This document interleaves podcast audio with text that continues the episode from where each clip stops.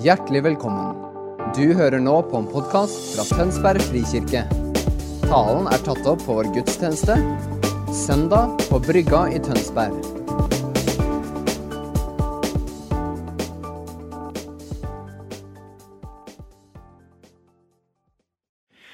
Det er tredje året eh, i forbindelse med andre søndag i advent at jeg er på besøk i Tønsberg frikirke. Så jeg kan vel si det, at jeg er her år etter år. Og jeg sier som Jesus, jeg kommer igjen. Ja, hvis jeg får lov av dere. Bergljot og Morten Edvardsen, pastorpar her, tusen takk for at dere har gått imot meg. Og det er gode folk her. Så er du ikke kjent med Tønsberg frikirke, så har iallfall jeg fått et veldig godt inntrykk. Og det er veldig godt å få feire gudstjeneste sammen med dere denne andre søndagen i advent. Det er sånn at uh, hvert år så er det nye sider i julens evangelium som berører og begeistrer meg. Det er jo det samme hele tiden, men det er nesten som å se inn i en sånn stjerne eller en diamant. Altså, det er så mange farger, det er så mange fasetter, det er så mange nye vinkler. Uh, så da er det liksom noe som treffer meg på nytt, eller for første gang. Og i år har jeg vært veldig opptatt av at Gud valgte, for det må ha vært et valg, hvordan han skulle komme. Og at han valgte å komme. Ja, som et menneske. Men ikke bare som et ferdig menneske, voksent menneske, men at Gud valgte å komme til oss som et lite barn. Og Jeg har tenkt å si litt om hva det skulle bety for oss. Så jeg har tenkt i dag å si et halleluja for barnet. Det syns jeg er fint. Og da tenker noen at den sangen har jeg hørt. Det er fint. Det er Jesaja i det niende kapittel i vers 6 som sier dette, og vi kan gjerne lese sammen. For et barn er oss født, en sønn er oss gitt. Herreveldet er lagt på hans skulder. Han har fått navnet Underfull rådgiver, Veldig Gud, Evig Far, Fredsfyrste. Altså, for et barn er oss født. Det er jo ingen tvil om at jula er barnets høytid. Og ikke bare barnets høytid, men barnas høytid. Naturlig nok, for midt inne i jula er det et lite barn. Og mange av oss har kanskje både våre lyseste og lykkeligste barndomsminner nettopp knytta til jul og julehøytid. Jeg hørte et radioprogram før jul uh, for noen år siden hvor en 20-åring sa til faren sin du pappa, kan ikke vi bare leie inn noen tiåringer til jul, da? Han hadde allerede som 20-åring begynt å kjenne på det er jo ikke helt det samme som 20-åring som det var når jeg var 10. Det er et eller annet liksom som blir litt sånn borte underveis. For det er jo ingen som kan både gi bort og ta imot gaver som små barn. Det har vi noe å lære av. Jeg er en av seks søsken. Turi, kona mi og jeg, vi fikk fem barn på under åtte år. Holdt jeg på å si før vi skjønte hva det kom av, men uh, nå er vi besteforeldre til 13 barnebarn, Så betyr at barnerik julefeiring det kan vi en hel del om, og det begeistrer og det berører. Og En av de mest kjente kristne julesangene er jo denne 'Kom, alle kristne'. Kom og la oss knele for barnet. Kneler man for et barn? Knele for barnet i krybben i Betlehem. Gud er her nede. La oss ham tilbede. Hva er det vi synger på slutten der? Halleluja for Ja, får jeg høre dere, da? Halleluja for barnet. Halleluja for barnet i be... Pga. melodien så blir det halleluja, og det er ikke så vi pinsevenner så vant med. Men, men det, det, klinger fint. Halleluja for barnet. Halleluja for barnet i krybben, men også halleluja for barnet i hjertet. Hva er det der det er barn? Jo, der er det lek. Uansett, der det er barn, der er det lek. Og jo mer voksne vi blir, desto mindre leker vi. Det er ikke nødvendigvis sånn eh, at vi slutter å leke fordi vi er blitt gamle. vi har blitt gamle fordi vi har sluttet å leke. Derfor så tror jeg at jeg i dag har lyst til å si noe klokt og godt om eh, det lekende mennesket. Det har så fint latinsk navn som homo ludens. Altså, vi kjenner jo disse latinske begrepene på hva det vil si å være menneske. Homo sapiens, det tenkende mennesket. Homo erectus, det, det oppreiste mennesket. Homo adorans, det tilbedende mennesket. Men altså dette homo ludens, det lekende mennesket første som liksom markerte seg med dette uttrykket og tok det i bruk og forsket på hva dette skulle bety, var denne eh, nederlandske kulturhistorikeren Johan Jøsenga i 1938, hvor han hadde forsket på lekens vesen og lekens betydning. For jeg vet jo at mange av dere tenker lek, det er barn. Nei, lek er i alle livsfaser. Vi leker ikke på samme måte hele livet. Men leken hører hele livet til. Og denne Johan Kjusenga han har altså jobbet med dette, og den boka den går fortsatt som en veldig viktig fagbok om le lekens vesen. Eh, og jeg tenker at jeg er ganske glad jeg, at jeg har noen voksne lekekamerater. Tenker du, Er ikke du litt for gammel til det? Er ikke du pastor i tillegg? Jo, nettopp derfor. Så når jeg er både mentor og sjelesørger for prester og pastorer, og sånn, så pleier jeg alltid å legge inn et spørsmål om hvem er lekekameratene dine? For det er viktig med så mye alvor som en pastors liv er preget av, at det finnes et godt lekerom i livet som gjør at man kan få lov å bevare barnet i seg. Jeg hørte et forsiktig halleluja fra Morten her på første rad.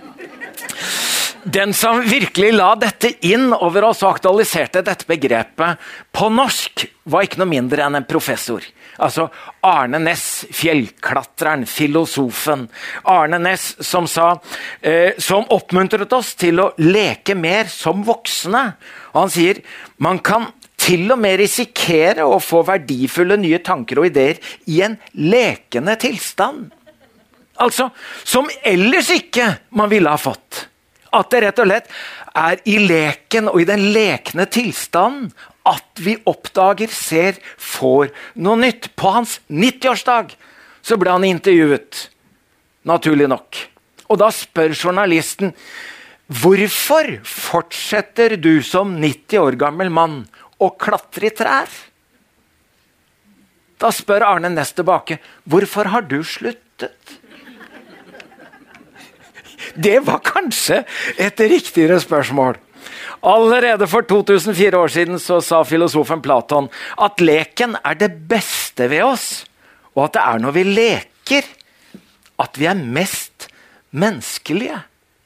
Kanskje det er en sammenheng mellom barn og lek og menneskelighet. Og kanskje at ved å ta vare på lekenheten tar vi vare på menneskeligheten. Har du lagt merke til at når vi nærmer oss Gud, så kan vi bli litt annerledes. Vi prøver å bli litt alvorlige, vi prøver å bli litt høytidelige. Og noen syns til og med at vi blir litt upersonlige. Jeg kjenner ikke igjen stemmen hans når han ber. Merkelig. Han begynner å bruke andre ord enn det han ellers bruker. Eller Kanskje det er en av grunnene til at Gud kom som et barn. For at vi skulle bevare vår naturlighet. Du vet, Da paktkisten eh, ble flyttet tilbake til Sion, da står det om David og hele Israels hus at de danset og lekte. Er det mulig, det, da? Skal man virkelig kunne gjøre det innenfor Guds ansikt? Ja. De, lek, de, danset og lekte for Herrens ansikt, og de sang til toner fra lyre og harper og trommer, kastanjetter og cymbaler. Det syns jeg er strålende.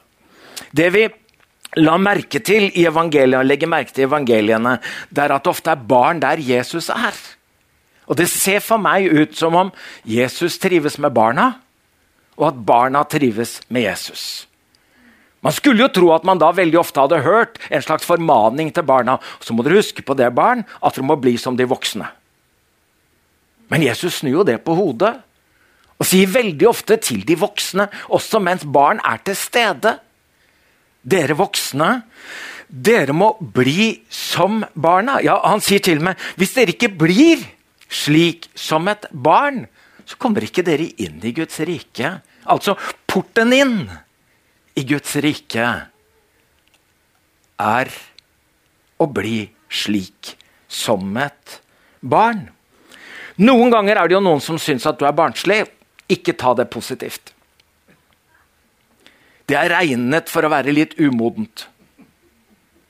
Men hvis noen derimot sier at det er noe barnlig ved deg, da vet du at det er et kompliment. Da har de lagt merke til at du selv om du er voksen, har en barnlig glede. Du har fortsatt en barnlig begeistring. Du har fortsatt en barnlig forventning. Så målet er ikke å bli barnslig, men å bevare det barnlige hele livet. Det er jo Carl Martinussen som har skrevet en vakker julesang, og som egentlig er et stort hjertesukk. Jeg kjenner på det. 66 år gamle Egil, han ber igjen. Og kunne jeg bare bli barn igjen?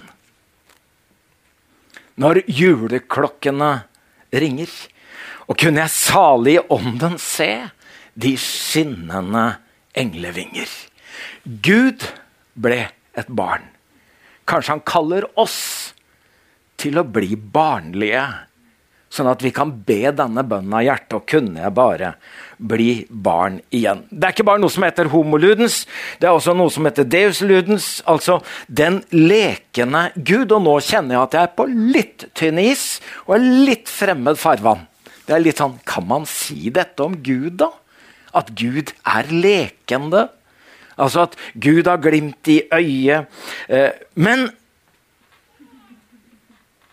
Deus ludens, den lekne Gud Hvis han står bak og har skapt homo ludens, altså det lekne mennesket, da må det være Gud som har skapt leken i oss, og også fylt oss med evne til glede, til glød og til galskap. At det er en sammenheng for hvor ofte er det ikke nettopp latterdøra som åpner hjertedøra? Hvor ofte er det ikke lekenheten som hjelper oss i alt alvoret? Jeg kjenner jo en del som jobber tett på døde og døende. Også de som jobber i begravelsesbyrå. Det jeg legger merke til veldig mange av de som er så tett på døden, de har mye galgenhumor. Jeg tror det er en overlevelsesmekanisme. Det må finnes en slags balanse i livet mellom alvor og lek mellom eh, sorg, men også humor. Eh, Erik Bye, forfatter, dikter, journalist, mediemann, dikt, eh, visesanger. Eh, kjær og kjent. Og sangene hans var jo preget på en måte ofte både av himmel og av hav. Og en av sangene hans har til og med fått plass i salmeboka. Og det er sangen 'Vår Herres klinkekuler'. Eh, han ble blir fortalt, altså Erik Bye, eh, at han en gang ble spurt av et barn om han kunne tegne Gud.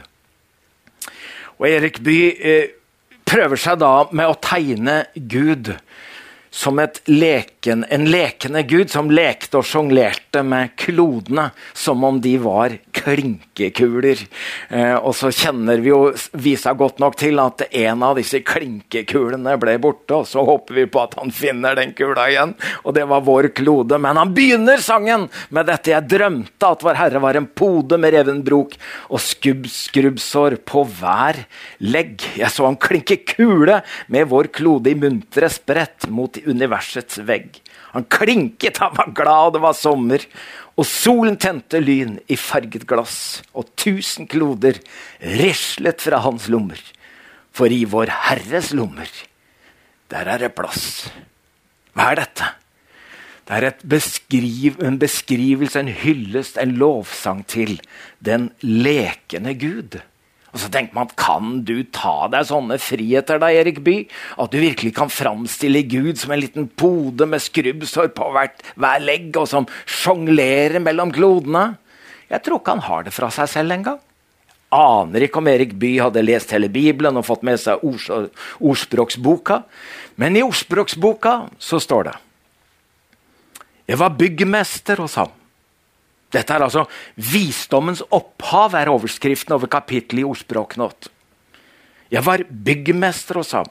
Jeg var til glede for ham dag etter dag. Og lekte stadig for hans ansikt. Du hører liksom ekko fra Johannes 1, fra Johannes-prologen. I begynnelsen var Ordet. Ordet var hos Gud. Og ordet var Gud. Alt er blitt til ved ham. Uten ham er ikke noe blitt til av alt som er blitt til. Så beskrives dette i årsspråksboka om Jesu opphav. Jeg vært til glede for ham dag etter natt og lekte stadig for hans ansikt. Og jeg lekte på hans vide jord og gledet meg med menneskene. Er ikke det vakkert, da? Jeg har vært mange ganger oppe på Lia gård i Østerdalen, på retreatgården hos Ingeborg og Sigmund Bø. Et fantastisk sted, og jeg ledet også en retreat der denne høsten, i oktober. Åtte år tok det å bygge nylig av den store, nye retreatgården. Det meste er gjort av Gudmund sjøl og hans, eh, eh, Sigmund sjøl og hans gode medarbeidere. Men han slapp ikke tanken på dette, at det skulle jo vært en slags eh, stavkirke på området. er ikke mulig, Sigmund. Ikke etter åtte år med bygging av Nylia. Du skal ikke i gang med det der. Men han klarte ikke helt å slippe tanken at det burde jo vært en stor stavkirke her på området. Så søker han Gud, og så er han ikke sikker på om dette er rett, eller om det er galskap. Og galskap er, det var nok helt sikker på, egentlig så er det som om han sier Han sier altså at det er nesten som om jeg hører Guds tiltale. Sett i gang. Og så kommer den setningen som berørte meg, og som kanskje er opphav til denne preka. Sett i gang, og jeg er med på leken. Er det mulig, det, da, Sigmund? Nå skal ikke jeg lage teologi av det, men jeg likte det. Jeg likte det at alt behøver ikke å være grav alvorlig. Alt behøver ikke å være helt nødvendig. Men til og med den store Gud kan si Og jeg vil være med på leken. Jeg vil være en del av det lekne mennesket, for jeg er den lekne Gud. Det ser nesten ut som om dette kan ha slått litt inn i selveste apostelen Paulus også. Enda han har så mye alvorlig på hjertet når han skriver til korinterne, så sier han at uh, jeg skulle ønske at dere ville tåle litt galskap av meg. Og kanskje man trenger litt mer av galskapen. Noen av dere syns sikkert dere har fått litt for mye, men, men gi litt rom for galskapen. Det gjorde iallfall Paulus. Ja, det får dere tåle, sier han da. Det kan ikke ha vært tilfeldig fra Guds side om hvem som skal høre evangeliet første gang. Jeg tror ikke det er sånn 'Å, dessverre så var det i Betlehem'. Og siden det ikke var noe plass, så ble det tilfeldigvis en gjeng med gjetere. Jeg tror dette er stram regi. Jeg tror Gud har bestemt seg i tidenes morgen hvem som skal være med på premieren. For det kommer til å prege dette evangeliet alle steder, til alle tider. At det var noen gjetere der i nærheten. Og nå var jo disse gjeterne veldig vant til eh, både sauetyver og kjeltringer av alle slag, men også ville dyr. Så det var de ikke så veldig redd for. Men himmelbesøk og herlighet det hadde de aldri vært i nærheten av. Så de ble overveldet av redsel. På godt norsk må det bety at de ble livredde. Og da må engelen si frykt ikke.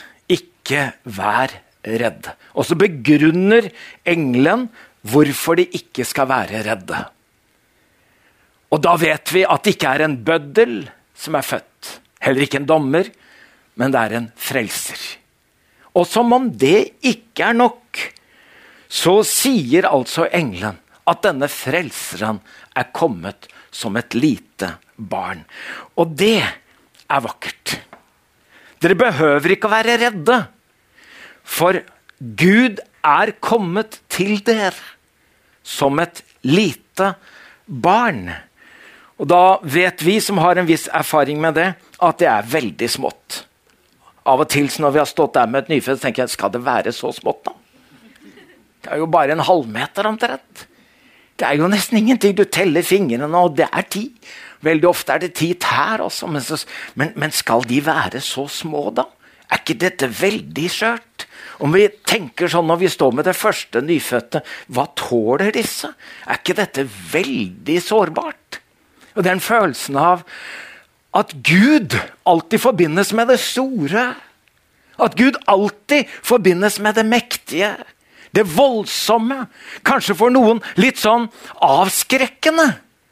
Sånn at vi til og med forsvarer oss mot Gud. For Gud kan være stor og skremmende. Kanskje Gud også har bevist at han kan være liten og sårbar.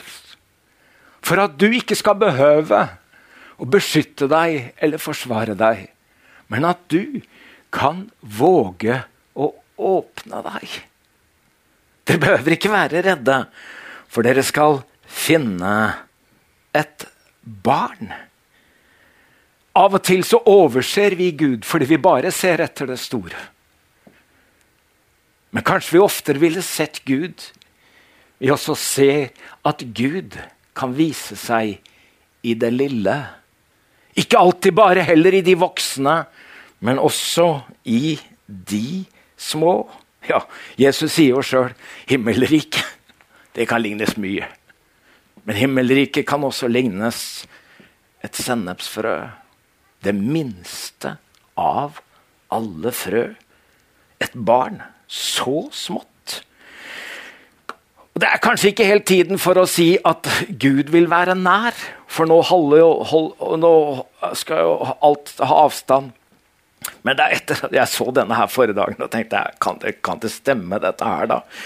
Spre kjærlighet, hold avstand. Er, vi lærer noe helt nytt nå for tida.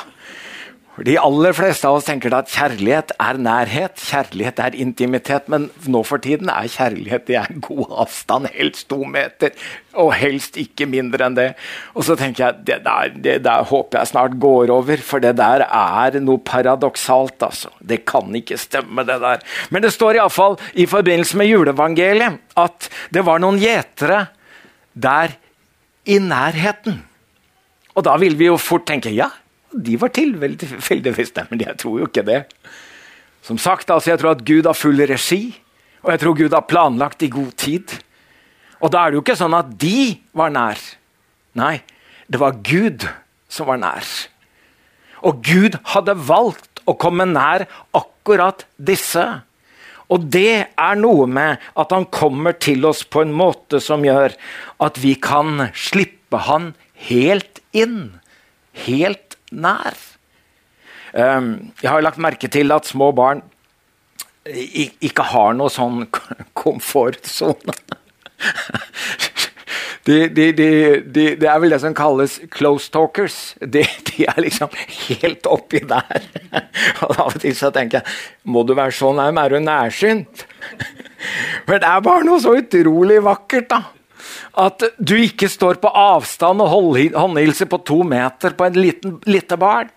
Du peker ikke, og du forklarer ikke, men, men det kaller på nærhet. Du får et ønske om å holde rundt. Du får et ønske om å holde inntil. Jeg husker denne fortellingen hvor Jesus var sammen med mye folk, og så kom foreldrene med barna og ville at han skulle røre ved dem. Mens disiplene opptrådte sånn som bodyguards. To meter, to meter, hold avstand, hold avstand! Barn uønsket! Og Jesus måtte si nei, nei, nei! La dem komme! Og når de kom med barna, så står han ikke og tegner og forteller. Det står at han tok dem inntil seg. La hendene på dem og velsignet dem. Og jeg aner ikke hvor nært du har våget å slippe Gud inn i livet ditt. Kanskje du har noen komfortsoner og behov for avstand i forhold til Gud. Men Gud har et ønske om å komme nær deg. Komme helt inn i ditt liv og inn i ditt hjerte. Det vil Gud. Dere skal finne et barn Og dette barnet er smått, og det er lite. Eh, første gangen det var offentlig eh, fotografering på Kongssetra av kongefamilien, etter at Mette-Marit hadde kommet inn i familien, så skjedde det noe som aldri hadde skjedd før. Altså, Mette-Marit hadde jo med seg da Lille-Marius, som den gangen var tre år gammel. Han skulle være med på fotograferingen for første gang. Og Det er klart det er vanskelig å få treåringer til å stå helt stille veldig lenge, også under fotografering. Og Særlig når det ligger en isbjørn på gulvet med store, flotte tenner. Da er det jo veldig fristende å tenke at hovedpersonen i dette rommet det er isbjørnen. Og det bryr seg jo ikke om verken fotografer eller stil. Men eh, Sonja hun lar seg ikke be to ganger. Plutselig er Sonja, dronning Sonja Noen vil jo si at hun er iallfall til tider litt sånn fast i fisken, men, men nå er hun nede på gulvet. Og VG skriver slik har du aldri sett dronning Sonja tidligere. Krabbene på kne foran et isbjørnskjell. Men dronning Sonja lot seg ikke be to ganger, står det, da lille Marius ville vise fram tennene til isbjørn som pryder gulvet i peisestua på Kongssetra. Har du lagt merke til at barn påvirker kroppsspråket vårt. Vi som av og til blir så fastlåste i stillinger, i posisjoner, også rent fysisk, men i mye mer enn i det fysiske. Og at barn utfordrer det. Sånn at du ser av og til voksne mannfolk ligge og rulle på gulvet. Og tenker 'Jeg har aldri sett direktøren rulle før'. Og så tenker du 'Gjør politikere sånt?' Ja, det var et intervju med Kjell Magne Bondevik da han var statsminister. og ble spørsmål om hva gleder du deg mest til jul. Og han sier jo, jeg gleder meg til å ligge på gulvet og leke med barnebarna. Og så tenker jeg kanskje du Bondevik burde også lekt litt mer på gulvet med statsrådene. Det kunne ha gjort noe med statsrådene. Kanskje dere kunne kommet på noen nye ideer i lekende tilstand. Når man liksom slipper slipper alt dette som handler om posisjoner og alt det som er så fastlåst og stivt. Hvis, hvis, hvis noen klarer å lokke oss ut av det som er liksom blitt fengselet vårt, av frykt for å miste liksom eh, navn og ære. Dronning Sonja på kne. Kanskje det skal et barn til for å få deg ned på kne. For å få deg ut av det fastlåste. Og ikke bare kroppsspråket, men jeg syns også de preger snakkespråket vårt. Det er jo ganske crazy å se de som ja, jeg får si vi da, som er blitt bestefedre. For jeg tror ikke jeg gjorde det som far. Det tror jeg ikke jeg kunne tenke meg. Men men la meg merke meg at når man, liksom, man, nærmer seg det lille barnet, så begynner man å snakke annerledes.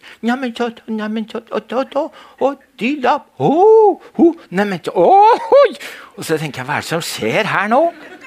Hva er det som skjer her nå? Jeg håper barnet skjønner det der. Men det er et eller annet som skjer, ikke bare med kroppsspråket, men med snakkespråket i møte med små barn. Og av og til har jeg tenkt Kanskje det ikke er så lang vei fra babyspråk til tungetale.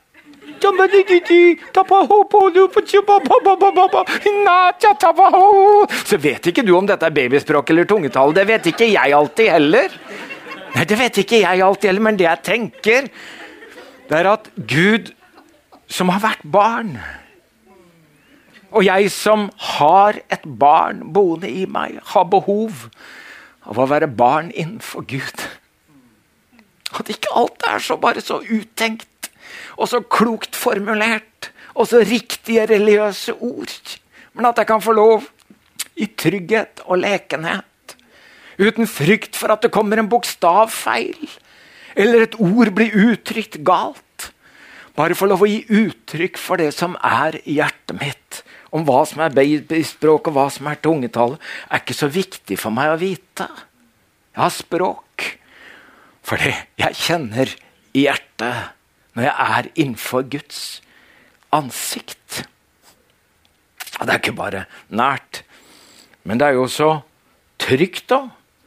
For som om det ikke var nok at dette barnet, at denne frelseren, er et barn, og kommet som et barn, så er dette barnet svøpt og lagt i en krybbe. Og for gjetere er jo det fantastiske nyheter. Jeg har av og til blitt invitert til noe hvor jeg er usikker på kleskoden. Da sender jeg av og til en melding hvis ikke det står. Så skriver jeg 'Hva er kleskoden?' Man vil jo unngå liksom å komme i smoking når de andre kommer i shorts. Og så unngår det også veldig gjerne å komme i shorts hvis de andre kommer i smoking. Og så er det sånn for de fleste av oss at vi har mer enn ett plagg. Kona mi sier av og til når vi skal ut 'Jeg har ingenting å ha på meg'. Nei, da må du gå naken. Og vi kan si inn i fulle klesskap og si 'vi har ingenting å ha på meg'. Men vi har jo det! Problemet vårt er jo bare hva skal vi velge? For vi har for det, og vi har for det, og vi har for det, og vi har for det, og har for det. Det er jo liksom velstandens problem. Men hvis du er gjeter og bare har det du står og går i Du bare har det du står og går i. Du har ingen alternativ. Og hører at det barnet er svøpt og lagt i en krybbe, da tenker du jeg er kledd for anledningen. Det er jo kjempeflaks. Det er jo superflaks. Jeg har ingenting annet å ha på meg. Men det lukter det samme av han som det lukter av oss. Ja, er det mulig? Ja, for Gud ville jo det. Han ville komme nær. Og så vet han at vi ikke kan bli som han, men han kan bli som oss. Og når han har bestemt seg for at evangeliet skal være gode nyheter også for gjetere, da pakker han inn dette barnet i en krybbe, sånn at de våger å komme. For det hadde vært fint om det var en frelser som var født i Jerusalem. I palasset. I en gullbelagt vugge. Men de hadde ikke kommet dit. Men Gud ville være nær. Derfor pakker han inn dette barnet og legger det i en krybbe for at gjeterne skulle kjenne at her hører de hjemme. Jeg aner jo ikke om noen av dere holder på å se på f.eks. sånn som ja, det ligger i en krybbe, det. Får vi få med oss fra Lukas 2,12. Jeg vet ikke om noen av dere holder på å se på noe som heter The Crown. Dere har kanskje en nabo som har vært innom det. Uh, sesong fire. Margaret Thatcher og mannen Denise kommer på banen. Uh, og de er for første gang invitert til uh, Balmoral uh, Castle, som er i Skottland. Som er dronningfamiliens feriested, der hvor de er jakter og der de er veldig uformelle. Og Det er liksom helt annerledes enn liksom Buckingham Palace. Og da skal altså Margaret Thatcher og Denise dit for første gang. Og de har hørt at det er noe som heter Balmoral Test. altså at dronningfamilien nærmest tester ut de nye. De vet aldri hva testen går ut på, men uh, de var spent. De tenkte de, vi skal iallfall ikke gjøre noe feil. Så De leste om protokoll og de leste om etikette, og de hadde lest hva de skulle gjøre, og at det var en drink før middag klokken 18. Og til middag kommer man nettopp ja, i smoking og lang kjole. Selvfølgelig gjør Margaret Thatcher og Denise akkurat det. De hører stemmer bak døren og regner med at kongefamilien, dronningfamilien allerede er godt samlet. Så det blir et sånt magisk øyeblikk når døra går opp. Og der sitter dronningfamilien uformelt stabla rundt omkring, for de har jo vært på jakt. Og de har jo ikke skifta ennå, de har ikke engang dusja. Og det møtet der er magisk.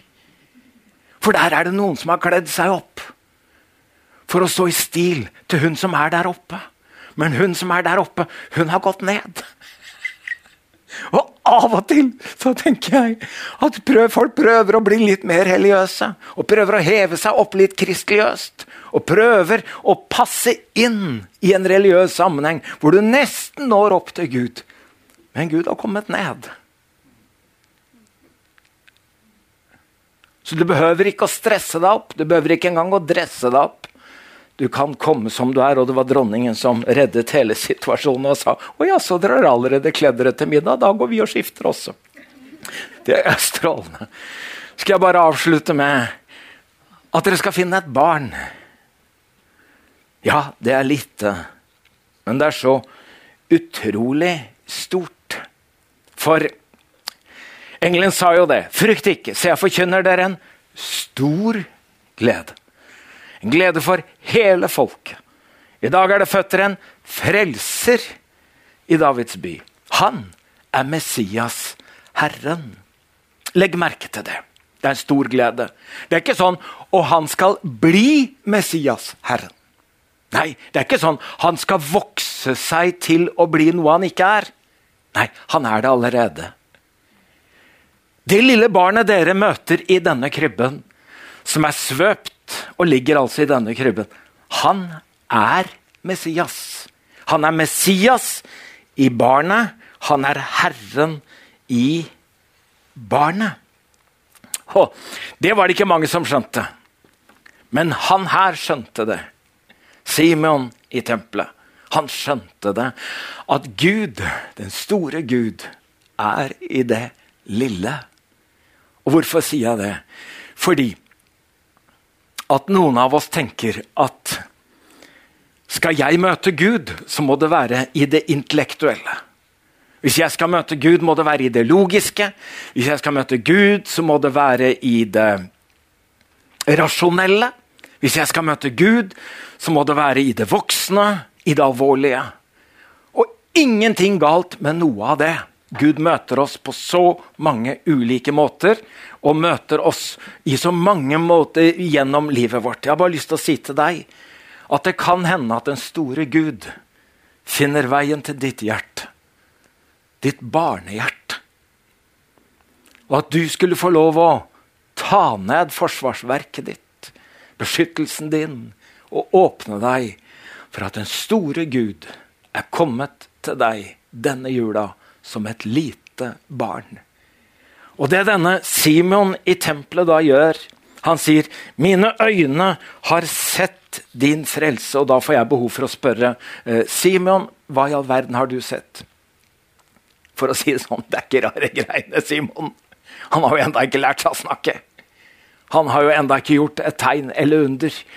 Og du sier at dine øyne har sett Herrens frelse. Og han visste. I dette barnet er alt. Så det han gjør, er å åpne hendene sine, løfter dette barnet, og så takker han Gud og velsigner det. Ja, Gud er stor, og Gud er mektig. Men han har kommet til oss som et lite barn. Og kanskje du igjen skulle åpne hendene dine, åpne hjertet ditt, ta imot ham, for i dette lille barnet er den store Gud. Jeg hørte et forsiktig halleluja, men hold igjen. Spørsmålet er bare finner du barnet?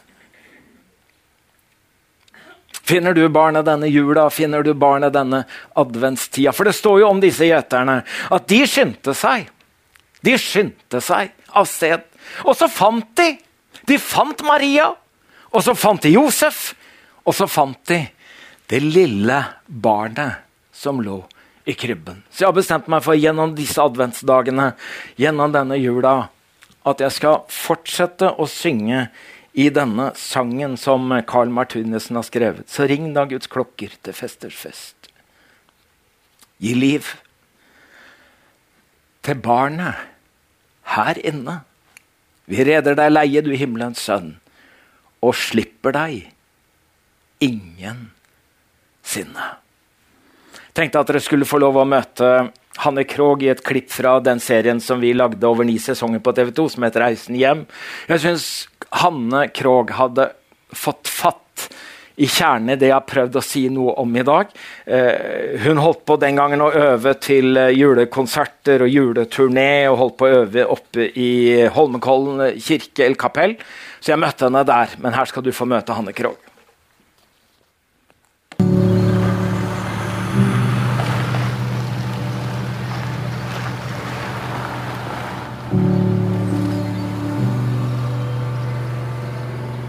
Vi er tilbake i Holmenkollen kapell. En kirke Hanne kjenner godt. Flottere enn dette blir det ikke, Hanne. Nei, det er på Har du sett? Hvilken dag! Ja, hvilken dag. Det er sånn Da forstår man faktisk at man er glad i Oslo, og at man til og med er glad i vinteren. På en sånn dag som i dag. Se med fjorden utover der og Det er jo bare fint der. Ja, det er et så nydelig rom. Jeg føler at jeg kommer hjem når jeg kommer inn i, i dette rommet her. De viktigste tingene i livet mitt har skjedd her. Jeg har det. Ja. ja. Jeg giftet meg her, og Sverre ble døpt her. Og pappa, pappas bisettelse hadde vi her. Og, og så giftet jo Sverre, sønnen min, seg her også. Så da er liksom vi gått videre for neste generasjon.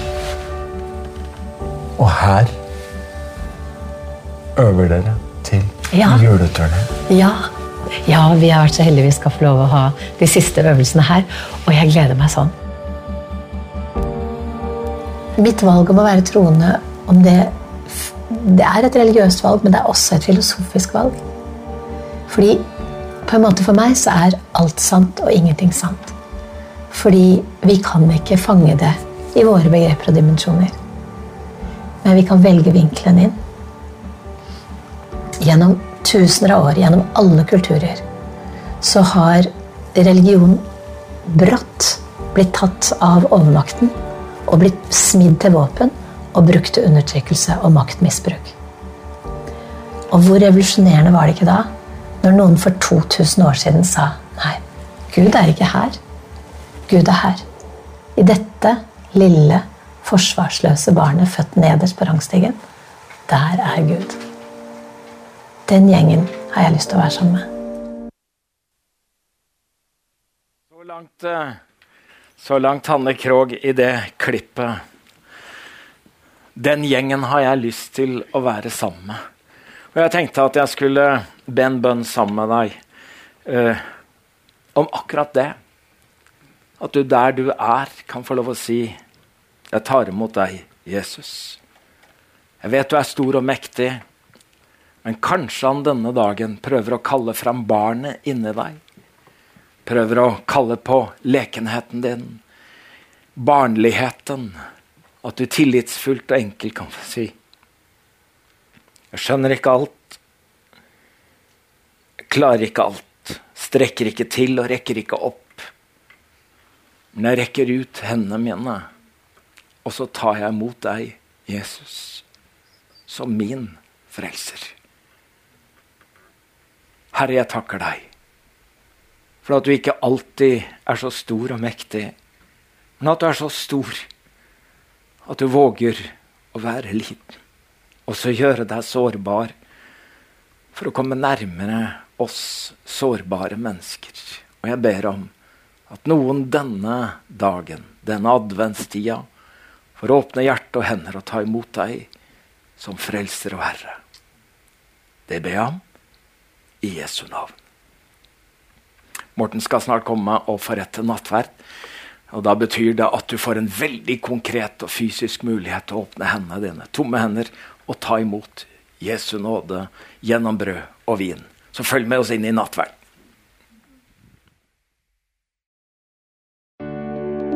Takk for at du hørte på vår podkast. Har du spørsmål eller ønsker du å vite mer? Søk oss på vår nettside tonsbergfrikirke.no. Du er også velkommen til kirke på Brygga i Tønsberg.